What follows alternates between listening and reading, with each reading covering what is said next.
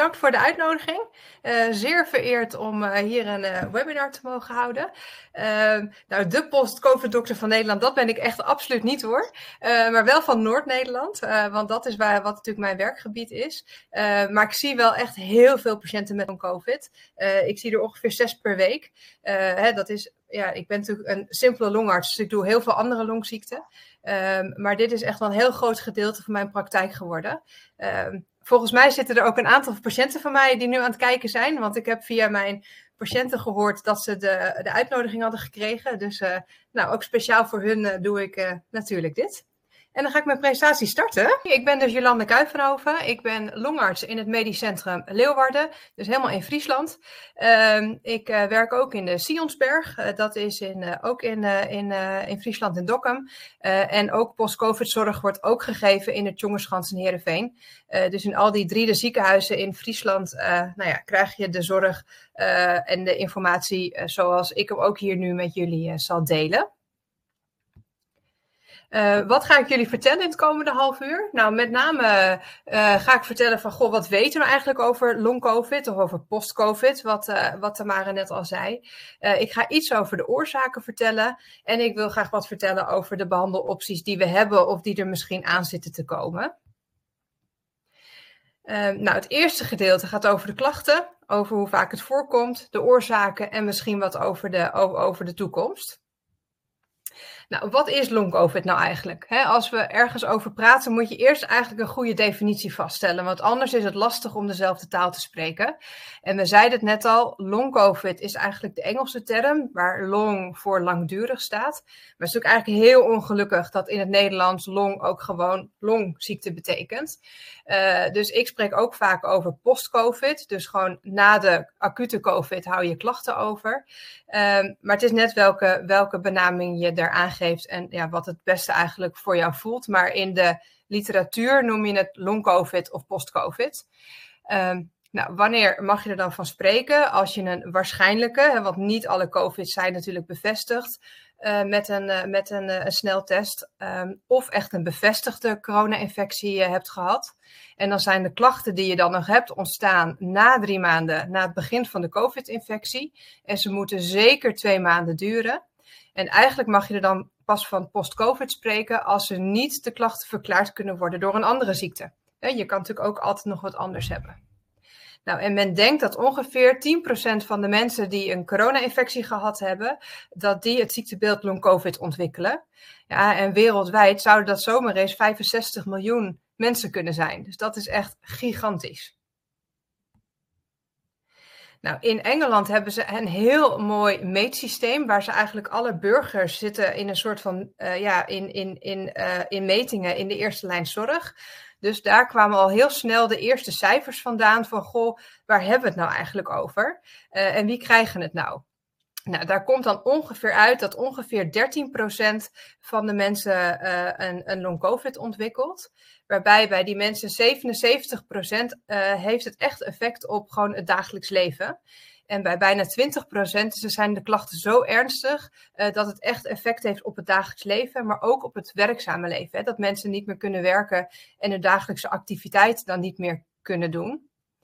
En ook daar kwamen de eerste cijfers vandaan dat nou ja, na één jaar heeft 61% van de mensen nog klachten. En na twee jaar zijn dat er nog steeds 35%. Hè? Dus dat is echt heel veel.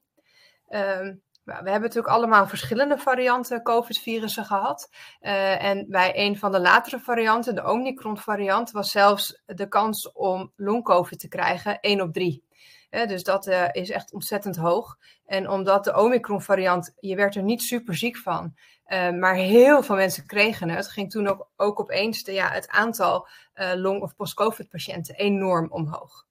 En ook als je voor een tweede keer corona krijgt of een derde corona krijgt, heb je nog steeds meer kans om long COVID te ontwikkelen. Nou, wat is dan in Nederland? Hè? Uh, nou, we hebben in Nederland geen goed meetsysteem, dus ik heb niet een precies maat en getal. Um, maar men denkt dat er ongeveer 90.000 mensen zijn met ernstige long-covid klachten. En volgens het RIVM zijn het er ongeveer 100.000 tot bijna 400.000 mensen. Ja, afhankelijk van de ernst en welke definitie, definitie je daaraan geeft. Um, maar veel is het zeker. Ehm, als je dan kijkt bij C-Support, dat is de website van de overheid waarin mensen steun kunnen vragen of informatie kunnen krijgen uh, over long-covid en soms ook begeleiding, uh, is dit van hun een van de laatste uh, nou ja, plaatjes van hoeveel mensen er per provincie zijn aangemeld bij C-Support. Nou, daar blijft Friesland nog een beetje achter. En wij hebben natuurlijk ook in Friesland echt minder corona gehad dan in de rest van Nederland.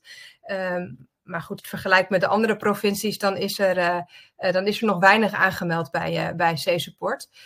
als je bedenkt dat ik op mijn, mijn poli alleen al in drie jaar tijd 1300 mensen met long-covid gezien heb. dus dan zijn er vast meer dan die 782 in Friesland. Maar over heel Nederland zie je nou ja, hoe het verdeeld is. Dan is altijd heel erg de, de, vraag, en de vraag wordt vaak ook aan mij gesteld, van ja, wie krijgt dan post-covid of long-covid? Nou, in het begin hadden we echt geen idee. Uh, en nu er steeds meer mensen zijn en ook steeds meer onderzoeken komen, uh, ja, is het, hebben we een beetje een beeld gekregen van de post-COVID-patiënt. En wat hier staat is vast niet compleet. Uh, en misschien doe ik ook niet iedereen eer aan, maar dit is wat we in de regel wel zien. En dat zijn met name vrouwen. En dan kan je afvragen, zijn het vrouwen, hebben die echt grotere kans op long-COVID? Of gaan die eerder naar de dokter? Omdat ze klachten van long-covid hebben. Nou, dat vind ik soms best wel moeilijk, want ik zie ook wel regelmatig mannen uh, met, met, met long-covid. Uh, maar de klachten waar we het zo ook over gaan hebben, dat zijn vaak klachten waarmee mannen minder makkelijk naar de dokter toe gaan. Nou, of mensen die al onderliggend een ziekte hebben, bijvoorbeeld een auto-immuunziekte, en dan kan je denken aan bijvoorbeeld reuma of dat soort ziektebeelden. Uh, maar ook die al eerder een virusinfectie hebben gehad, die ook veel sluipende klachten kan geven, bijvoorbeeld de ziekte van vijver of Q-koorts. Um, maar ook mensen die uh, al andere klachten hebben vanuit het brein, dus autisme-achtige klachten of ADHD. Um, ehm, nou, andere chronische ziekten als diabetes komt toch ook vaak voor. Um, nou, vanuit de internationale literatuur zien we dan de Spaanse of de, Latino-afkomst. Ja, ik moet zeggen, dat herken ik niet uit mijn eigen praktijk. Uh, mijn, mijn praktijk is heel blank, maar dat, klopt, ja, dat komt ook omdat Friesland nog heel blank is. Um, dus dat, dat herken ik niet, maar als het er zo internationaal zal het misschien zo zijn. Um, en welke ik wel echt herken, dat is de laatste bullet. Hè, dat mensen die te snel aan het werk gaan of te vaak en te snel iets van hun lichaam vragen na de COVID-infectie, uh, dat dat ook echt een grote kans is uh, om long-COVID te ontwikkelen. Uh, omdat er onvoldoende herstel nog was om weer aan het werk te gaan. Maar een derde van de mensen die we zien, die blijkt echt helemaal niks voorafgaans te hebben. Dus niks van alles wat ik hierboven genoemd heb. Die mensen waren echt kern en kern en kerngezond. Uh, en krijgen dan toch long-covid. Nou, voor mijn gevoel is die groep misschien nog wel veel groter dan, uh, dan, dan, dan een derde. Uh, maar dat is ook een groep die niet heel makkelijk naar de dokter toe gaat, omdat ze altijd kerngezond waren. Nou, met welke klachten zien we dan de mensen op, op het spreekuur? Uh, uh, dat zijn met name moeheid en hoofdpijnklachten. Uh, kortademigheid, spierpijn, pijn op de borst. Ja, en klachten echt vanuit het, vanuit het brein of het zenuwstelsel. Met cognitieve klachten. En daar kan je van alles onder verstaan. Maar bijvoorbeeld geheugenverlies, woordvindstoornissen, niet goed kunnen concentreren. En dan staat er een moeilijk woord, uh, de hyperarousal. En dat betekent het, uh, wat de mensen vaak zeggen, ik sta heel erg aan alle prikkels komen binnen. als je een tikkende klok hoort, dan is dat eigenlijk al te veel prikkels om je niet te kunnen focussen op, op het gesprek of op waar je op dat moment mee bezig bent. Um, nou, zoals je ziet, heel veel van deze klachten die hier staan, zijn helemaal geen longklachten.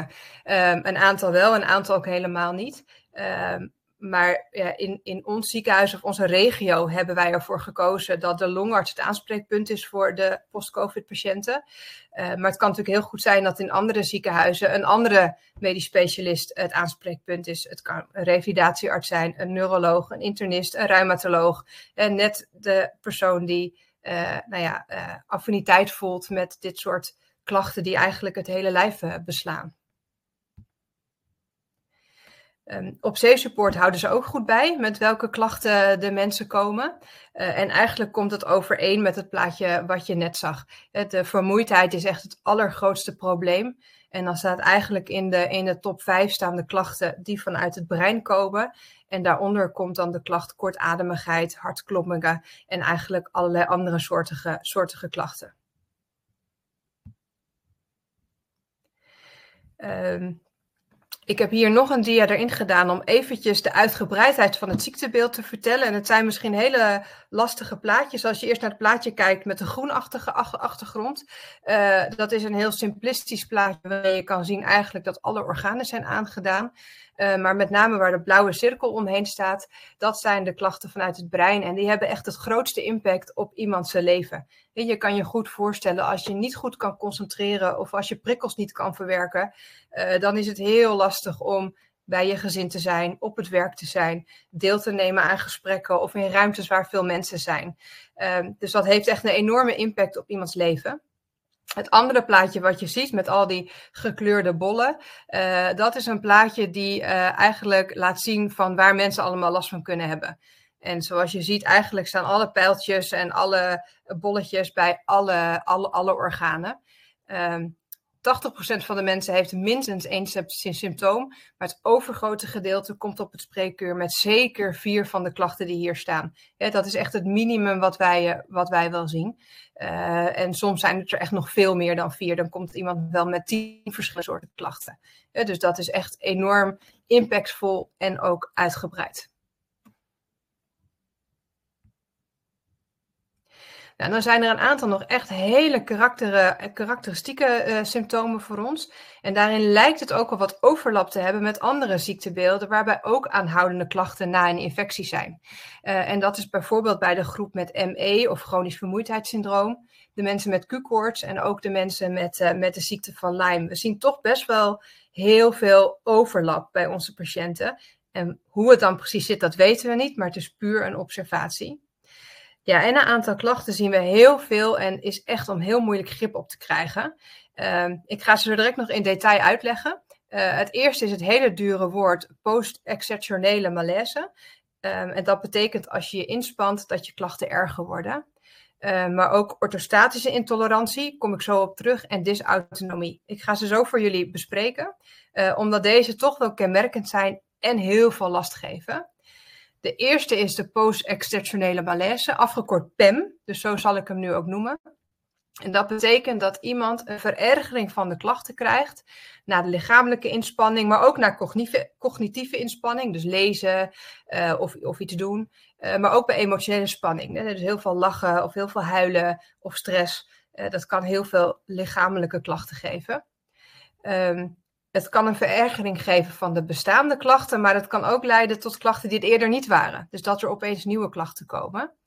En die ontstaan dan vaak 12 tot 48 uur na de inspanning. Dus er zit even een delay in uh, dat de klachten ontstaan.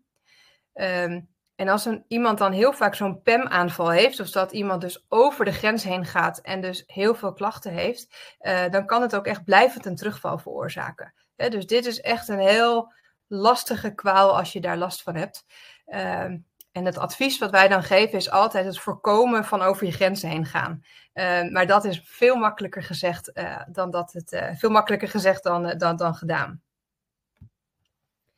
Nou, het tweede dure woord wat ik net noemde was dis dysautonomie of autonome dysfunctie. Ik ga jullie proberen uit te leggen wat het dan precies is.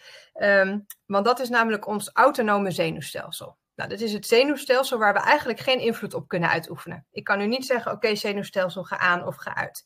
Uh, het is het zenuwstelsel wat wij kennen van het vluchten, van het vechten uh, en van het freeze systeem. Dus er gebeurt wat engs en de ene iemand die blijft helemaal stilstaan, de ander die gaat rennen en de ander die gaat vechten. Zo moet je het zien. Nou, dat is het plaatje met het rode poppetje erin. Dat noemen we ons gaspedaalsysteem. Dus dat zorgt ervoor dat wij alert zijn. Dat zorgt ervoor dat als wij gespannen zijn, dan gaan we een beetje zweten. Uh, we krijgen een rood hoofd. Je hartslag gaat stijgen. Je kan ook een beetje buikpijn krijgen. Um, je spieren zijn wat gespannen. Dat is heel nuttig als je het nodig hebt. Maar het is helemaal niet nuttig als je het niet nodig hebt. Want het systeem is normaal gesproken heel mooi in balans.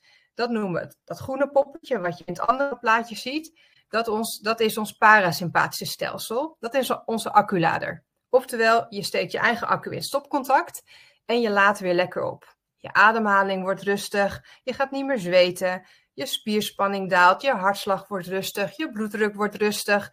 Eigenlijk je lichaam komt weer in de ruststand. In het normale leven zit hier een hele mooie afwisseling in. Als je wat moet doen, ga je naar rood. Ga je rustig zitten of je ontspant, ga je naar groen. Daar heb je geen invloed op, maar iedereen doet het uit zichzelf. Nou, wij denken dat bij de post- of bij de post-COVID-patiënten blijf je eigenlijk het lichaam veel te lang in het rode poppetje hangen. Dus jouw gaspedaal staat continu aan. Ja, je kan je voorstellen dat dat dus eigenlijk helemaal niet, niet kan, want iemand heeft echt rust nodig om zijn accu weer op te laden. Dat is één van de, van, de, van de ideeën bij de dysautonomie, wat wij heel veel zien en waar je een gedeelte van de klachten door kan verklaren uh, en wat ontzettend veel klachten geeft. Uh, ik heb hem hier nog eventjes voor jullie, uh, voor jullie samengevat. We denken dat dit probleem bij ongeveer bij 25% van de long-covid-patiënten uh, speelt. Uh, het is dus een continue prikkel van je sympathische zenuwstelsel. Dat geeft benauwdheid, dat geeft een hoge hartslag, dat geeft buikklachten. Je lichaam voelt alsof het dreiging ervaart, maar de dreiging is er dus niet. En mensen vertellen mij dan, ik heb continu een gevoel van onrust in mijn lichaam. Ik heb het gevoel dat ik aansta, dat alle prikkels binnenkomen. En het idee is ook dat dit, nou ja, dit type ook vrij ongunstig is. Dat dit een type is waarbij je lastig grip krijgt en het, en het beter wordt. Nou, een ander onderdeel van dit systeem noemen we POTS. Dat is de, het, het beeld waarbij jouw hartslag eigenlijk uh, heel gek, heel erg hoog is. Bijvoorbeeld, je zit rustig en opeens wordt je hartslag heel hoog. Of je gaat sporten en je hartslag gaat heel snel omhoog, maar het daalt niet meer. Nou, je kan je voorstellen, bij sporten moet jouw hartslag lekker, lekker hoog worden. Maar om te kunnen trainen en te herstellen, moet je hartslag ook snel weer dalen. Anders bouw je niks op. Uh, dus dit, is een heel, dit kunnen patiënten je ook heel erg goed vertellen als ze hier last van hebben. En dan daaronder in het blauwe kader staat hoe we het zouden kunnen meten. Maar eigenlijk is het bijna niet nodig, omdat je op het verhaal van iemand dit al heel goed kan, kan horen. Maar ook als iemand een smartwatch om heeft, hè, vertelt dit vaak ook al wel uh, het verhaal. Nou, dan is dit nog een heel vaak, ja, toch een kleine misvatting. Uh, en ik, ik wil hem graag uit de wereld helpen dat long COVID absoluut geen burn-out is. Um, bij een burn-out, uh, eigenlijk is dan een beetje het adatium het lichaam en het hoofd zijn het met elkaar eens. Uh, ze laten beide aan jou weten, het wil niet, het kan niet, het moet niet. Bij long COVID is het juist eigenlijk andersom. Het hoofd wil heel erg graag, maar het lichaam zegt van eigenlijk kan ik niet meer. Ja, en ons lichaam is ervoor gemaakt als dat gebeurt, dan ga je juist een overtrokken reactie geven en maar doorgaan en maar doorgaan. Ja, en dan trek je jouw batterij eigenlijk helemaal leeg. Uh, het wordt nog heel vaak met elkaar verward. Um, maar het is absoluut echt een ander ziektebeeld. Nou, dan kom, komt hier een moeilijk plaatje. Uh, maar om toch eventjes een idee te geven dat we heel druk bezig zijn om de oorzaken van long COVID boven water te krijgen. Uh, maar dit zijn allemaal nog theorieën. We weten het echt nog niet goed. Uh, en als we dan even kijken van het plaatje voor mij van links naar rechts gaan, ik denk voor jullie ook, dan zijn er een aantal theorieën waarom iemand long COVID heeft. Helemaal het linkerplaatje is het idee dat het virus niet goed geklaard wordt door het lichaam. Dus het virus blijft eigenlijk in deeltjes of af en toe met een reactivatie in je lijf aanwezig, waardoor het lichaam denkt: ik moet continu een reactie aanmaken om, die, om dat virus tegen te gaan. Terwijl dat misschien niet helemaal nodig is. Nou, dat is één van de theorieën. Um, uh, en dat in, ook in dat beeld zit ook hè, dat men, ook als mensen eerder een infectie hebben gehad met bijvoorbeeld het EBV-virus van het ziekte van vijver of het Q-koortsvirus, dat ook dat op die manier weer gereactiveerd wordt. Um, het tweede plaatje zie je een darm. Nou, onze darmen zijn eigenlijk de hersenen, of de tweede hersenen van ons lichaam. En dat is een heel nauw samenspel tussen bacteriën en virussen die al in ons darm wonen normaal gesproken. En die het milieu van de darm gezond houdt. En een van de ideeën is dat het coronavirus een enorme ja, verandering in jouw microbioom geeft. Dus in jouw normale flora van jouw darmen. Uh, waardoor je dus klachten kan, uh, kan ervaren. Nou, het middelste plaatje is de, uh, dat het lichaam een echt enorm overtrokken afweerreactie aanmaakt, terwijl dat totaal niet nodig is. Dus het lichaam denkt dat het naar een oorlog toe moet en, en moet vechten, ja, terwijl er al lang niemand meer is. Uh, dus het geeft heel veel uh, klachten en heel veel energiekostetje, uh, terwijl dat niet meer nodig is. Ehm, dan het plaatje waarbij je de balk ziet met alle bloedcelletjes erin. Daar is de, het, het, de, de theorie dat door de corona-infectie er allemaal kleine bloedstolseltjes zijn ontstaan. En die bloedstolseltjes die zijn zo klein dat ze echt in de allerkleinste bloedvaten van je, van je, van je, je lichaam gaan zitten. Dat noemen we de haarvaten. En dat ze daar dus ja, een verstopping of een opstopping geven. Uh, en daardoor op die manier ook klachten geven. Uh, en dan het rechterplaatje, dat is dat zenuwstelsel waar ik net wat uitgebreider op ben ingegaan.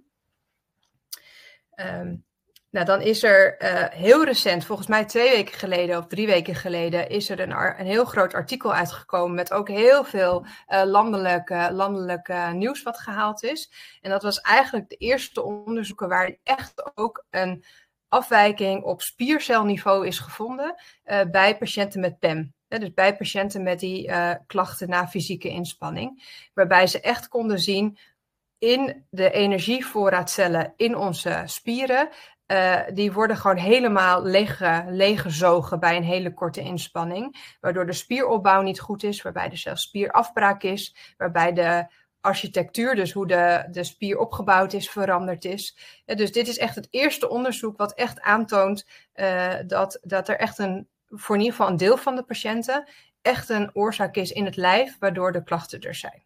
Het is een heel moeilijk plaatje, maar hij kon niet ontbreken in het verhaal over de, ja, de mogelijke oorzaken van, uh, van long-covid.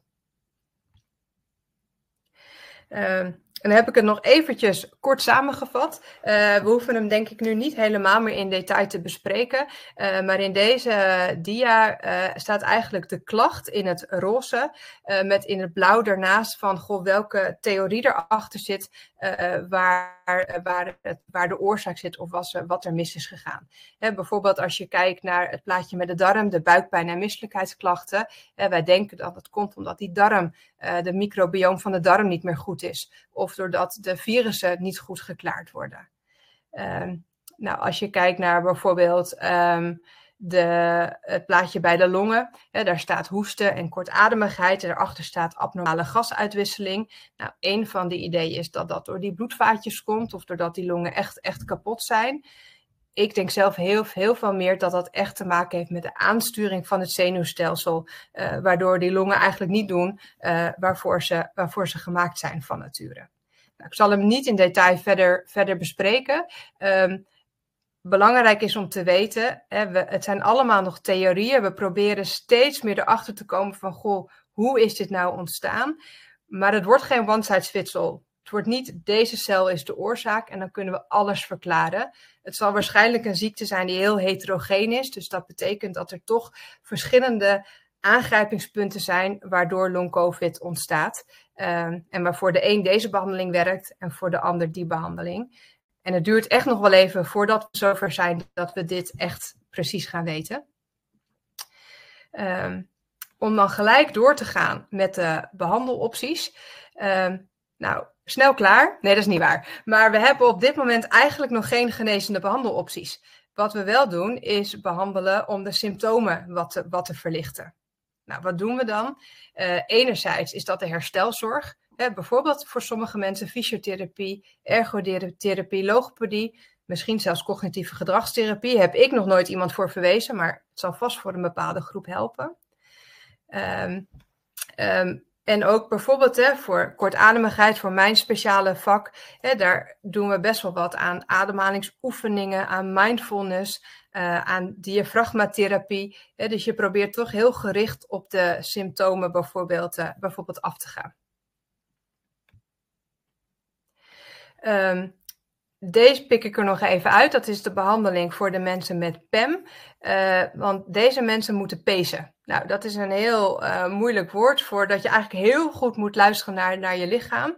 Om heel zuinig om te gaan met de energie die je hebt. En dus echt een balans vinden tussen, de, nou ja, tussen, tussen je rust die je moet pakken. En de energie en fysieke activiteit die je, die je kan gebruiken. En een ergotherapeut kan er soms heel goed bij helpen om, ja, voor iedereen is dat anders waar krijg je energie van en wat kost jou heel veel energie. Um, mocht je nou denken, ik heb PEM of ik weet het niet zeker. Er staat online, als je zoekt op PEMcheck, uh, staat er online een soort van ja, uh, invuloefening. waarbij je dus kan kijken of jouw klachten misschien bij PEM kunnen, kunnen passen. En dat geeft misschien voor jouzelf wat duidelijkheid of je die klachten hebt en wat je er dan dus misschien aan zou, zou kunnen doen. Um, en ook op C-support staan er best wel een aantal goede tips uh, over nou ja, hoe je deze klachten misschien wat behapbaarder voor jezelf zelf kan maken. Um, de tweede die ik eruit wil liggen, dat is de POTS. Hè, dat is dus die ongewenste hele hoge hartslag. Um, nou, ook daarin zit een stuk in de in de ontspanning om het systeem rustig te krijgen. Goed letten op je water en je, en je, zoutinname, dat je systeem goed gevuld is. Um, maar ik geef er tegenwoordig ook wel eens medicijnen voor. Uh, en ik moet zeggen, dat bevalt sommige patiënten heel erg goed. Uh, in het rijtje onder de medicamenteuze staan een hele hoop. Uh, waar ik zelf ervaring mee heb, is de ivabridine. Uh, en dat wordt door de hartspecialisten toch ook regelmatig, regelmatig voorge voorgeschreven. En dan kom ik bijna bij mijn laatste dia's, want er zijn ook nog een aantal behandelingen off-label. Nou, off-label betekent dat je een medicijn voorschrijft voor een indicatie waar het eigenlijk niet voor bedoeld of voor geregistreerd is. Um, nou, dat mogen wij dan eigenlijk niet doen. je mag alleen iets voorschrijven als de behandeling daarvoor ook bedoeld is en is goedgekeurd. Uh, maar sommige behandelingen ja, denken wij dat het helpt. En dan moet je goed samen met je patiënt en je behandelaar afspreken of je dus het risico neemt hè, dat je dus gezamenlijk dat zou willen doen. En niet iedere behandelaar zal hiervoor openstaan. Um, um, want je moet weten, het is soms ook illegaal. Hè? Dus je moet het echt heel goed bespreken of je dit wil en welk risico je dan neemt. Um, want er zijn best wel veel, uh, bijvoorbeeld ook rechtszaken tegen artsen geweest, omdat ze iets off-label hebben voorgeschreven. Dus dat zal niet iedereen doen. Nou, dan is dit een rijtje wat hier staat over ja, uh, behandelingen die gedaan worden, die hier niet voor geregistreerd zijn. Um, ik zelf geef er een aantal. Um, metformine geef je voor suikerziekte. Nou, dat doe ik eerlijk gezegd uh, nooit voor deze indicatie. Maar ik geef wel iets, een antidepressivum, de SSRI. Dat doe ik wel eens, daar geloof ik wel in. Um, en ook naltrexon wil soms bij patiënten nog wel eens helpen. Uh, verder staat er ook nog hyperbare zuurstof en, en neurologische trainingen. Nou, daar heb ik me voor vandaag niet verder uh, in, in uh, uitgeweid. maar dat zijn wel therapieën die vaak nog in het commerciële circuit zitten, dus ontzettend duur zijn. en ja, nog lang niet bewezen is dat het daadwerkelijk helpt. Maar er zijn mensen die daar wel echt baat bij hebben. Uh, nou, er lopen natuurlijk ook allemaal onderzoeken naar de behandeling van, van long-covid. En ook in Nederland zijn we nu bezig. Uh, dit is de website van Stichting Long-covid, het onderzoeksconsortium. Uh, en dit zijn de vier onderzoeken die nu in Nederland gestart zijn en waar de eerste patiënten ook aan meewerken of gaan meewerken. om erachter te komen, goh, hoe komt het nou precies en welke behandeling kunnen we dan daadwerkelijk starten? Nou, als je op hun website kijkt, dan staat er ook echt nog een hele hoop andere, heel veel experimentele therapieën. Um, die zullen lang nog niet door iedereen geaccepteerd worden en voorgeschreven worden. Um, maar weet dat men ermee bezig is om te kijken van, goh, hoe werken deze nou ja, therapieën, ideeën ook voor een COVID-patiënt, gehaald uit andere ziektebeelden. En dan ga ik afronden op 35 minuten. Iets te lang, sorry Tamara. Um, voor de long-covid, een echte behandeling, ja, dat hebben we nog niet. Maar dat betekent niet dat we dus niks kunnen doen. Um, symptoomreductie kan soms echt al heel veel, uh, heel veel kwaliteit van leven teruggeven. Uh, en, en, maakt het weer een beetje draagbaar. Maar het is echt belangrijk dat er echt biomedisch onderzoek gedaan wordt, zoals nu ook net gestart is. Um, ja, en het is ook wel gewenst om het allemaal een beetje te gaan clusteren.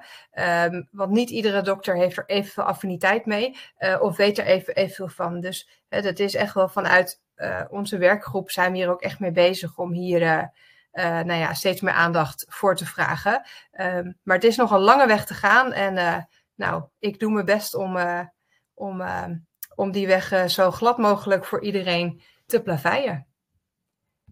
En dat was hem.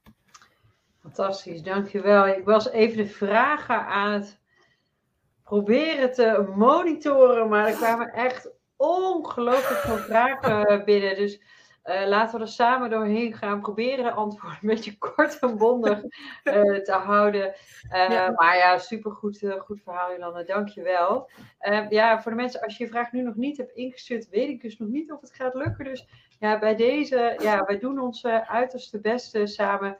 Maar het is echt, het is ja, geëxplodeerd. Normaal kan ik veel beter luisteren naar het verhaal. En nu dacht ik alleen maar, oké, dit moet ook nog, dit moet ook nog. Dus ik ga het verhaal zeker nog even terugkijken en luisteren. En veel mensen zeiden, oh, maar ik kom nu pas. Of, oh, weet je, ik, mijn hoofd zit nu vol. Je krijgt in de komende dagen, krijg je gewoon de opnames toegestuurd. Kan je alles nog eens heel rustig uh, teruglezen. Dus dit komt, uh, komt goed. Maar laten wij snel naar de vragen gaan. En wel leuk, ook als ik tussendoor zo las dat mensen zeiden, oh, eindelijk erkenning. En ik, ik heb dat ook wel veel van mijn patiënten gehoord. Uh, kijk, ik heb er zelf uh, van heel dichtbij uh, meegemaakt, zelf niet, maar mijn, mijn ja, partner, niet mijn levenspartner, maar mijn huisartspartner. Hè, dus we zijn anderhalf jaar geleden een eigen huisartspraktijk gestart. Hij kreeg net voordat we gingen starten post-COVID uh, of ja, fors COVID, ziekenhuisopname, terug. En hij is nooit helemaal hersteld. En vorig jaar, augustus, echt helemaal uitgevallen, ook niet meer teruggekomen. Dus ja, ik heb dit van zeer dichtbij meegemaakt. En iemand zei ook van ja, de vermoeidheid waar je over sprak, ja, dit is niet, oh lekker, uh, weet je wel, ik heb uh, gesport en ik ben een beetje moe. Of oh, ik heb een nachtje ja. geslapen. Maar een volledig verlammende vermoeidheid, waar, ja, die je denk ik ook uh, uh, misschien, ja, ik denk, jij, jij hoort het nog veel vaker dan ik. Maar ik denk dat het voor ons niet eens voorstelbaar is hoe moe je zeg maar, dan kunt, uh, kunt zijn. Um, maar nee, en dat zie je denk ik ook terug in de chat, hè, dat mensen zeggen van, goh, het is te veel, hè, het is te veel informatie. Dat zie ik ook mensen op het spreekuur. Ze krijgen voor mij een aantal onderzoeken van tevoren, dan een gesprek vaak met mijn co-assistent en dan met mij. Uh, soms zie ik ook gewoon aan mensen dat het te veel is. Hè. Je ziet gewoon het licht uit de ogen gaan. En dan zeg ik vaak, ga maar naar huis toe. En dan, en dan bel ik je volgende week wel. Ja. Het is, je ziet gewoon die moeheid in, in het lijf komen dan. Ja. Ja, en ik denk dus ook de prikkelverwerking. Hè, dat, dat, ja. uh, uh, mijn collega kon dan twee halve dagen. En dan moest hij echt een dag van bijkomen. En dat was natuurlijk. Ja. ja, en dat had niks met wilskracht of discipline of doorzettingsvermogen of wat dan ook te maken. Maar het was gewoon klaar. En die erkenning zie ik ook iemand die zei: Oh, gelukkig, weet je, het zit er niet alleen tussen de oren. En ik denk dat nee. je ook natuurlijk heel erg mooi, hè, ook met dat pemmen en ook wat er nou, natuurlijk in spieren is terugge teruggevonden. Um, ja. Wat niet wegneemt, uh, ik denk inderdaad ook die cognitieve gedragstherapie. Ja, ik zie daar ook toch heel veel belovende resultaten mee. En überhaupt ook de coping, het echt leren luisteren naar je ja. lichaam. Dat daar ook ontzettend veel. Uh, ik doe zelf veel met de Merem, het uh, revalidatie. Oh, dus ja, ik denk dat. Nou, wat ik in ieder geval mensen wil meegeven, de hoop is niet verloren. En ik denk, uh, we weten nog helemaal niet waar dit naartoe gaat. Maar neem het serieus, zoek hulp hiervoor. Uh, want het kan echt beter worden dan dat het nu is. En hoe het gaat eindigen, echt, ja, dat, dat weten we allemaal niet. Maar het is nee, absoluut nee. de moeite waard om goede gespecialiseerde hulp eh, te vragen. Ja. Um, ja, het is heel lief. Dus even de eerste berichtjes. Niet nerveus zijn, zegt Judith. Uh, ik en uh, ik denk alle andere patiënten zijn heel blij dat jullie dit uh, doen. Nee, dat, dat denk ik dus ook, want er is lang niet altijd even veel begrip voor. Dus eh, daarom kijk ik er dus ook heel erg naar uit. Um, nou, je had al even gezegd, hè, sommige dingen zijn later teruggekomen van, nou hoe zit het nou ook met de relatie met bijvoorbeeld andere aandoeningen? Burn-out heb je natuurlijk duidelijk besproken. Maar ook uh, chronische vermoeidheid, allerlei auto-immuunziekten. Um, iemand zegt, heb je uh, ja, ervaring met een soort microtraining, een langzame opbouw? Wat ik vaak tegenkwam, is dat zeiden, weet je, ja, je moet tot de grens eroverheen. En, uh, en dat je dan vaak zag dat mensen daarna helemaal instorten. Ja. Um, zou je daar nog ja, nee, kunnen zeggen? Ja, nee, zeker. Want ik zag ook een vraag voorbij komen over, over de PEM. Moet je dan wel blijven sporten? Um, uh, heel belangrijk is, zowel bij PEM, maar eigenlijk bij alle klachten, eh, blijven bewegen moet. Ja, want van stilzitten wordt echt nooit iemand beter. Um, maar je moet binnen jouw eigen grenzen van je kunnen gaan bewegen. En dat zijn we niet gewend als mens, want wat wij normaal gesproken doen is, hè, je gaat op, op, hè, erover en doorzetten en nog een stukje verder, want dan uh, dan bouw je op. Nou, die theorie werkt helemaal niet. Je moet echt, zodra je moe begint te worden of zodra je voelt dat het minder wordt, moet je eigenlijk al stoppen. En zo probeer je eigenlijk jouw energiebatterij steeds een beetje uh, op te rekken, als het ware. En als die maar zo is, ja, dan heb je gewoon niet zoveel. Maar dan moet je wel binnen dat stukje proberen toch nog iets te doen. Dus dan zit je dus bijna wel op het micro bewegen, als het ware. Um, Maar het is wel echt belangrijk om, te, om, te, om de inspanning te blijven bewegen. Want echt van niks doen, ja, daar word je ook niet beter van. Nou, ik had een patiënt, zeg maar, en die is echt begonnen eh, letterlijk met twee minuten wandelen. Dus die had een staat en er ging één minuut de ene kant en één minuut de andere kant. En die is dat zo in, in een half jaar tijd gaan uitbouwen naar twee keer twintig minuten per dag. Ja. En denk je, ja, twee keer twintig minuten per dag. Maar dat is een, als je kijkt wat je daarmee kan, dat is enorm. En dat is ook iets wat ik vaak terugzie, is die volledige passiviteit. En ik, ja, ik kan me, nogmaals, ik kan me niet voorstellen hoe dit voelt. Maar ik kan me wel voorstellen als je zo moe bent. Dat je denkt, ja, weet je al, laat maar. En ik ga op de bank of ik ga op bed. En ik, maar het, ja, rust roest, weet ik nog dat ik ooit uh, een keer, uh, hè, dus, dus volledige rust, uh, dat, dat brengt je absoluut niet, niet verder. Nee. nee, nee. Um, ik weet dus, ja, dus nog En dat is ook, en Mirjam zit helemaal onderin, dat is ook pacen, hè, wat daar staat. Dus dat je echt heel goed luistert naar je lichaam, niet je grens opzoeken, maar nou ja, binnen, uh, binnen je grens blijven. Dat is dat ja. wat je bij PEM echt, echt moet doen en voor heel veel mensen goed werkt. Ja, en dus uh, wat je zegt ook heel goed luisteren naar je lichaam. We zijn natuurlijk allemaal een soort wandelende hoofden uh, geworden. Die überhaupt ja. de verbinding met ons lichaam best wel ingewikkeld vinden.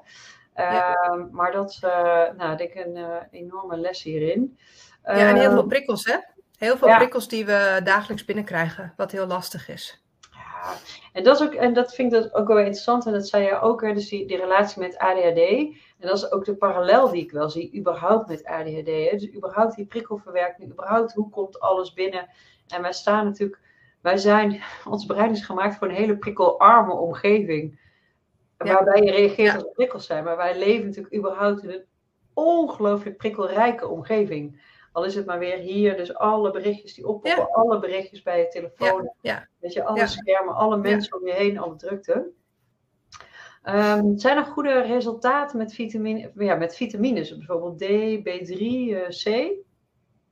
Ja, dat vind, ik, uh, dat vind ik een hele moeilijke vraag. Want ik, uh, uh, ik prik bij mijn patiënten altijd standaard een uh, uitgebreid bloedonderzoek. Met name ook hè, in mijn eerste definitie stond al: hè, je moet zoeken naar een alternatieve diagnose. Hè, dus daar hoort zeker bij deze klachten natuurlijk ook een vitaminestatus bij. En vaak zie ik dan wel dat er een laag vitamine D bij zit. Ja, dat is natuurlijk voor mij best wel lastig, want ik prik dat normaal gesproken niet zo vaak. En volgens mij heeft de gewone bevolking ook heel vaak een laag vitamine D. Okay. Um, maar een heel laag vitamine D zal natuurlijk niet helpen als je heel erg vermoeid bent. Um, uh, dus ik adviseer mijn patiënten meestal wel om voedingssupplementen te gebruiken. Al, al adviseer ik dat eigenlijk al mijn chronisch zieke patiënten wel. Um, uh, er zijn ook wel theorieën of artsen die zeggen dat je echt hele hoge doseringen van de vitamines uh, moet gebruiken om, om het te verbeteren. En die kan je dan bij de natuurwinkels kopen. Ja, dat weet ik niet zo goed of dat echt daadwerkelijk heel veel bijdraagt. Nee, weet ik niet goed. Het kan ook meestal niet heel veel kwaad, maar ik weet niet of het echt helpt. Nee, het is ook altijd een beetje de vraag wat kippen wat is het ei, hè? Kijk, ik zie natuurlijk, ik prik best wel vaak uh, vitamines, met name dus D. Ja, en dan zie ik bij heel veel mensen vitamine D uh, tekorten. Kijk, en vitamine D haal je natuurlijk uit zonlicht. Nou, de bedoeling is je dat, dat je dat in de lente en de zomer voldoende opbouwt, eh, zodat je in de herfst en de winter, zeg maar, doorkomt. Maar wij zitten natuurlijk heel veel binnen. Dus hè, ja. we hebben gewoon, ja, onze reserves zijn veel minder groot. En vitamine D heeft weer een hele sterke link met je afweersysteem. Dus in die zin vind ik dat ook ja, best wel een logische. Nou, ja. logisch dat je dat ook veel, uh, veel terugziet. Ja, luchtverontreiniging, dat is ook wel interessant. Want ja, er wordt natuurlijk ook veel over gezegd en over geschreven. Ja, is er nu echt een verschil, zeg maar, uh, bij, bij Voor de dat je meer luchtverontreiniging ziet, dat je ook bijvoorbeeld meer post-covid klachten ziet? Nee. Nee. Nee, nee hoor. Okay. Nee, want onze lucht in Friesland is heel schoon. Nee, dat is natuurlijk niet waar. ja, um, wou ik wel zeggen, dat, dat dacht ik altijd. Uh, nee, we hebben natuurlijk veel, veel boerderij hier, hè, dus dat geeft lang niet altijd een, een hele schone lucht, maar nee. uh, daar is niet echt directe relatie mee. Nee, nee. nee precies.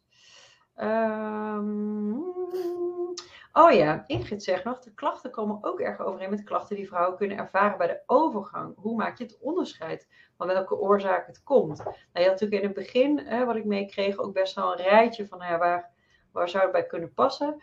Ja, de overgang, die uh, klachten zijn natuurlijk ook enorm divers, hè, dus door hormonale schommelingen. Ja, ik denk dat wat je, wat je ook vaak ziet bij de overgang natuurlijk is ook de invloed op de menstruatiecyclus. En ik denk dat dat ook wel een hele belangrijke is, hè, als jouw menstruatie enorm aan het rommelen is. Um, dus ja, ik raad hier altijd wel aan om ook eventjes samen met je huisarts te kijken van hoe zit het nou uh, precies. Uh, maar ik, er zullen vast overlap zijn, maar ik denk dat er ook echt wel verschillen ja, dat denk ik ook. Want de meeste mensen die ik zie, dat zijn mensen die helemaal nog niet in de overgang zijn. En dat zijn vaak echt veel, veel, veel, veel jongere mensen. Ja, Die bij mij komen. Ja. En Inge vraagt, gewichtstoename zie ik zelden genoemd. Heb daar zelf wel last van, helaas. Ja, is dat echt een, een gevolg van de post-covid? Of is dat, kijk, ik kan me voorstellen als jij ongelooflijk moe bent. Ja, je hebt natuurlijk je ruststofwisseling, maar je hebt ook je stofwisseling. Hè, dus, dus je verbranding door dingen te doen. Nou, ik kan me voorstellen, als je heel weinig dingen kan doen, uh, dat dat ook gewicht toeneemt? Of is dat te kort door de bocht? Nou, dat idee, ik heb hetzelfde idee. Ik denk dat het met name de gewichtstoename komt doordat mensen inactiever zijn geworden dan eerst. Um, maar ja, dat, uh, dat, dat, ik, ik, ik, zie, ik zie met name mensen die echt overgewicht beginnen te krijgen als ze al twee of drie jaar met een long COVID zitten. Dus ik denk met name dat een bijverschijnsel is en niet primair de long COVID. Nee, oké. Ja, nu heb ik een aantal mensen en die had ik zelf gemist. Maar over de zingjesterk.nl. Uh, ja. Misschien stond die op jouw sluit. Iemand zei ja, ja. zingjesterk.nl. Iemand zegt zingjesterk.nl. Ja. Daar ben ik zelf ja. ongelooflijk fan van zingen. En de mensen die mij langer volgen, die weten ook ja. Dus zingen, karaoke. Ik uh, kan je mij bijna midden in de nacht voor gaan maken. Wat is dit? ja, uh, Sinje Sterk is uh, twee verschillende theorieën. Het ene is de autonome regulatie en het aansturing van je brein naar je middenrif. Uh, en je, en je, ja, je ademhalingssysteem, dat je daar heel bewust van bent hoe je dat moet gebruiken.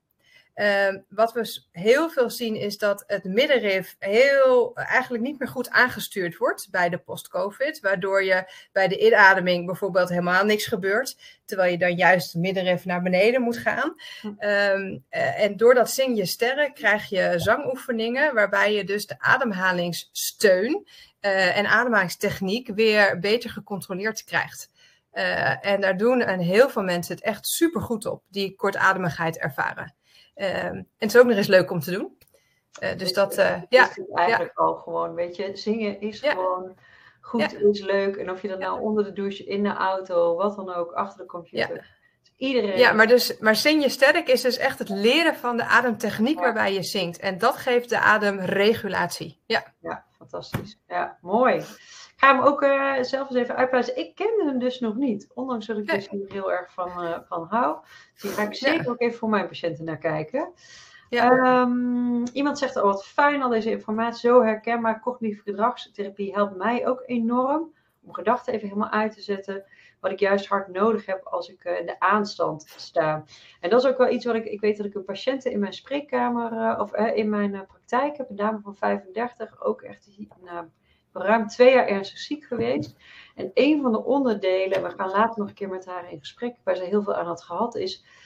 Um, en dan moet ik altijd even denken aan de uitspraak: What you resist persists. Hè? Dus waar je weerstand aan biedt, dat blijft bestaan. Is om veel onderzoekender te kijken naar haar klachten. En we willen natuurlijk, hè, we hadden van tevoren hadden we een fijn, meestal leventje. Dit kwam er bovenop. Alles is ontregeld. En je wil van deze klachten af. Dus je wil gewoon echt weg van die klachten. En wat haar enorm had geholpen, en dat zie ik dus nu bij veel meer mensen terug, is om dus juist onderzoekend te kijken van hé, maar wat ervaar ik nou? En zonder oordeel. Hè? Dus ook het mindfulness waar jij uh, ook eerder over sprak. We hebben heel vaak een oordeel en we zijn heel vaak bezig met oh, hoe was het in het verleden en oh nee, hoe zou de toekomst nou kunnen zijn? Maar om juist veel meer te kijken, maar wat ervaar ik nu? En dus ook veel meer gewoon in het lijf te gaan. Maar fijn Sjoukje dat je er zoveel aan hebt gehad. Ja, maar lang niet iedereen hoor, want het is echt niet ook geen one size fits all. dus het kan echt voor een groep wel helpen, maar, maar niet voor iedereen. Nee. nee, maar ik denk dat het gewoon wel mooi is dat, kijk, ik denk überhaupt het is een menukaart, hè? Dus de een heeft ja. superveel baat bij het een, de een heeft superveel baat bij het ander. En ja, wat let je om het te onderzoeken? Dus ik denk dat het vaak hè, even buiten allerlei andere, nou wat je zei ook al zei, soms illegale medicijnen praktijken, dat dan ook zou ik altijd ook wel, ben ik ook wel terughoudend in.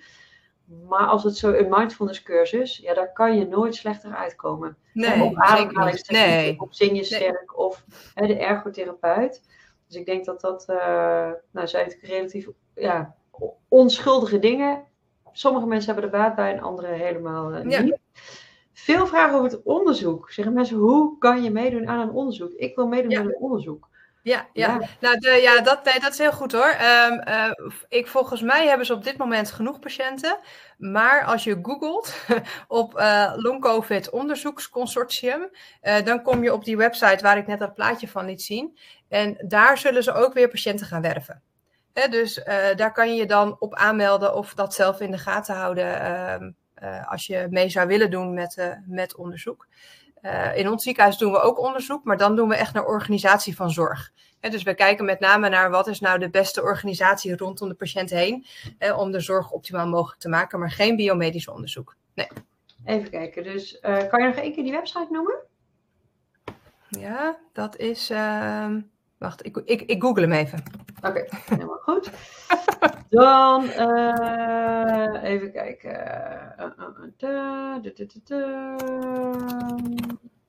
ah. Het is uh, Stichting, Stichting Long Covid. Oh, oké. Okay. Nou, Stichtinglongcovid.nl en dan kom je erbij. Ja. Long ja. COVID. Dat is van de academische centra. Ja, en zing je sterk. Ja. Daar vroeg ook nog iemand ja. naar. Um, een logopedist vraagt, uh, ik heb wel eens gehoord van een collega, die werkt heel veel met long- of post-covid patiënten, dat er ook veel uh, patiënten, vrouwen, in de praktijk komen die perfectionistisch zijn of de lat hoog leggen voor zichzelf. Herkennen jullie dat ook? Um, ja, dat vind ik een lastige vraag. Uh, het antwoord is ja. Ik herken dat zeker. Um, het is ook inherent in onze maatschappij nu dat heel veel mensen toch wel perfectionistisch zijn. Um, maar als je even teruggaat naar mijn dia over het uh, zenuwstelsel met het rode en het groene poppetje, is bij mensen die vrij perfectionistisch zijn, die schieten heel snel in het rode. He, dus schieten heel snel in het sympathische zenuwstelsel. Dus je staat heel snel al te veel aan. Um, en bij die groep kan ik me heel goed voorstellen dat als er iets gebeurt en die balans is eruit, ja, dan ga je volledig in het rood. Dus, dus ja, ik zie die groep zeker. Dus ik denk dat het een risicofactor is om long-covid te ontwikkelen. Um, um, maar het is lang niet bij iedereen zo. Het zit in hetzelfde hoekje als ook de mensen die ADHD of autisme hebben. daar zit al een, nou ja, een soort van prikkelverwerking of een andere manier van met dingen omgaan in. Uh, waardoor je gewoon, uh, denk ik, sneller uit balans raakt als er, als er iets misgaat. En, en dat, dat zit er denk ik achter. Ja. Ja. Ja, helder. Ik ben eventjes aan het... We hebben nog ja, want in het, in het begin werd gezegd, ja, het, het, het zit bij, bij die mensen tussen de oren en, en, en het komt dat ze veel te perfectionistisch zijn, maar dat is het niet. Er zit iets onder, waardoor ze gewoon een hoger risico hebben. Ja, ik heb er mooie wangen van. Zie je dat? Ja, het zit er helemaal in. uh, ja, ik vind het, ja, wat als je huisarts niks wil doen? Ja, in gesprek gaan. En ja, weet je, ja. uh, laat je toch gewoon verwijzen. En ik denk dat dat is toch... Uh... Ja. Ja, en lang niet allemaal bij mij komen hoor. Want uh, ik kan natuurlijk niet iedereen. Uh, niet, die, ik zag hem ergens ook voorbij komen. Van, uh, er zijn in Nederland gewoon niet heel veel zorgverleners die zich hier echt heel erg mee bezighouden. Maar er zit echt bijna in elk ziekenhuis wel iemand. Uh, dus je moet echt goed in je eigen regio kijken van goh, wie. Ja, en dat is best wel lastig, maar dat is toch aan je eigen huisarts. En soms weten bedrijfsartsen dat ook hoor, uh, bij wie je bijvoorbeeld uh, moet zijn. Ja, en dit dus echt blijven bespreken en voor jezelf opkomen. Dus ik denk dat. dat ja, ik denk het ook gewoon toch inderdaad toch blijven aangeven. ja, zeker. Ik, ik zie nog een vraag over antidepressiva, dus SSRI's bij ja. COVID. Ja, ja. Hoe, uh, is daar enig bewijs voor? Of hoe, uh... Nee, dat komt een beetje uit de literatuur van de chronische vermoeidheid en de ME. Um, en met name bij de mensen die last hebben van de prikkelverwerking, um, heb ik daar echt best wel goede ervaringen mee. Dat brein lijkt toch iets rustiger te worden um, en kan toch wat meer prikkels aan, waardoor je iets beter kan herstellen. Um, ja, hoe dat precies werkt, dat, uh, dat, ja, dat vind, vind, ik best wel, dat is best wel moeilijk denk ik om snel uit te leggen. Um, maar dat is zeker iets wat veel artsen wel doen en wat huisarts ook, waar je in ieder geval in gesprek over kan gaan. maar met name de overprikkeldheid. Ja. Want we, we, serotonine kent natuurlijk wel zo'n geluksstofje. Ik heb daar ook wel eens onderzoek over gelezen dat daar toch in die serotonine concentraties uh, wat, wat, wat mis is. Heeft dat hiermee te maken of uh, nee, is dat een helemaal losstaand verhaal? Ja, dat, is, dat staat er denk ik los van. Maar goed, het kan zomaar nog komen hoor, dat we over vijf jaar een heel ander verhaal hebben. Ja. dus dat, dat weet ik nog niet precies. Maar ik moet zeggen, het, het, werkt, het werkt wel. Ja, Even kijken. Ja, oh, we hebben nog een paar minuutjes, jongens. En er zijn nog zoveel vragen. Ik had het van tevoren al aangegeven. Ik, was, ik, ja, ik, denk, ik denk één belangrijke. Marianne vraagt ja. eronder: komt het ook voor bij pubers? Ja, het komt zeker ook voor bij pubers en bij kinderen. Uh, ik zie alleen volwassenen, of in ieder geval vanaf 17 jaar. Um, maar er is recent ook een groot item op televisie geweest over long COVID bij kinderen. Uh, en met name ook bij kinderen die, uh, die in het examenjaar zitten, kunnen echt heel veel last hebben van, long, van deze klachten. Um, dus het komt zeker voor, ook bij pubers en kinderen. Ja, maar heeft veel minder aandacht gehad in de, in de media. Ja, ja. ja, ja. ja dat hoor ik zeker. Ja. Uh, even kijken, even kijken. Nou, jij, ik, ik, uh, ik ga het even aan jou uh, laten, Jolanda. Wat, uh... Ja, en ze blijven maar binnendruppelen. Oh, dus het is best wel, um, best wel, um, best wel moeilijk. Ja, Doreen die schrijft hier nog even over die, over die, die, die SSRI, dat het echt anders werkt dan bij depressieve mensen. Ja, dat idee hebben wij inderdaad ook. Het werkt op een andere. Um, uh, zij schrijft, uh, zie Carla Rus. Carla Rus is iemand die op internet hier heel veel over schrijft. Dus daar kan je echt wel meer informatie uh, over vinden als je dat zou willen. Ehm, oh ja, het zijn. Het is bijna niet te doen, al die vragen. Ik heb hier nog wel... De vragen mensen, een aantal mensen vragen: Ik heb al twee of drie jaar klachten, kan ik nog steeds herstellen? Hmm. Het antwoord is ja. Ik zie nog steeds langzaam herstel bij mensen. Maar het is wel echt hoe langer het duurt, hoe moeilijker het wordt om te herstellen. Uh, uh, uh, maar het kan nog steeds. Ik zie nog steeds bij mensen op een gegeven moment eh, toch een positieve draai komen, waardoor het beter wordt. Of het helemaal beter wordt. Ja, dat, dat denk ik eigenlijk niet. Hè, dat kan best wel zijn dat jouw oude 100% het, het nieuwe 80% is. En dat dat is wat het uiteindelijk is. Um, maar er, is wel, er kan echt nog steeds herstel komen. Dus ik zeg altijd: hou moed en hoop. nou ja, kijk, ik denk 80% is nog steeds anders dan 10 of 20%. Hè? Ja, ja, ik kan ja, me zo maar voorstellen dat als jij echt op die 10 of 20 procent van wat je daarvoor had, dat je, en zeker als dat langdurig is, dat je de, de moed natuurlijk helemaal verliest. Maar ik denk, er wordt zoveel onderzoek naar gedaan. Er is zoveel meer bekend over dan een aantal jaar geleden. Dus ik vind dat wel, uh, ja, wat mij betreft, een heel mooi, uh, een mooi einde is. Uh, houd vol, houd moed, neem je klachten serieus. Zoek een hulpverlener ook die jou uh, serieus neemt. Um, want het is echt uh, de moeite waard om hier echt naar te kijken. Het zit echt niet alleen maar tussen de oren. Wat niet betekent dat je zelf hè, echt ook uh, daar iets aan kan doen. Dus met name dat veel beter luisteren naar je lijf. Veel meer hulp vragen. Jezelf veel serieuzer nemen. Ja, en um, mijn excuses voor alle vragen die niet hebben kunnen beantwoorden. Ik heb het dus al gezegd en herhaald, maar toch voelt het altijd een beetje. Maar ja, volgens mij zouden we ook tot 11 uur s'avonds uh, kunnen zijn. En we weten natuurlijk dat, ja, s'avonds juist je rust pakken, even afschalen, even zeg maar wat. Eh, dat, dat brein in de standby modus is natuurlijk ook ontzettend goed. Ja, Ilan, ik wil jou ongelooflijk bedanken voor jouw goede verhaal, voor jouw inzet, voor toch ook uh, de hoop die je mensen wel kunt geven, niet de garantie, maar wel echt, uh, echt de hoop. En uh, ja, ga vooral door met, met jouw fantastische werk. En dankjewel als je hier ja op hebt gezet en voor jouw tijd zo s'avonds. Graag gedaan. Bedankt voor de uitnodiging. En ik hoop dat, dat de deelnemers nou ja, er iets van geleerd hebben of er iets van meenemen naar huis. Voor zichzelf of voor mensen in hun omgeving. Ja, dus je krijgt de opname toegestuurd. Denk je nou, oh, ik ken oh, iemand ook die hier baat bij heeft. Je mag het gewoon gerust, gerust doorsturen. Um, en um, nou ja, nogmaals dankjewel. Hele fijne avond allemaal. En heel graag tot de volgende keer.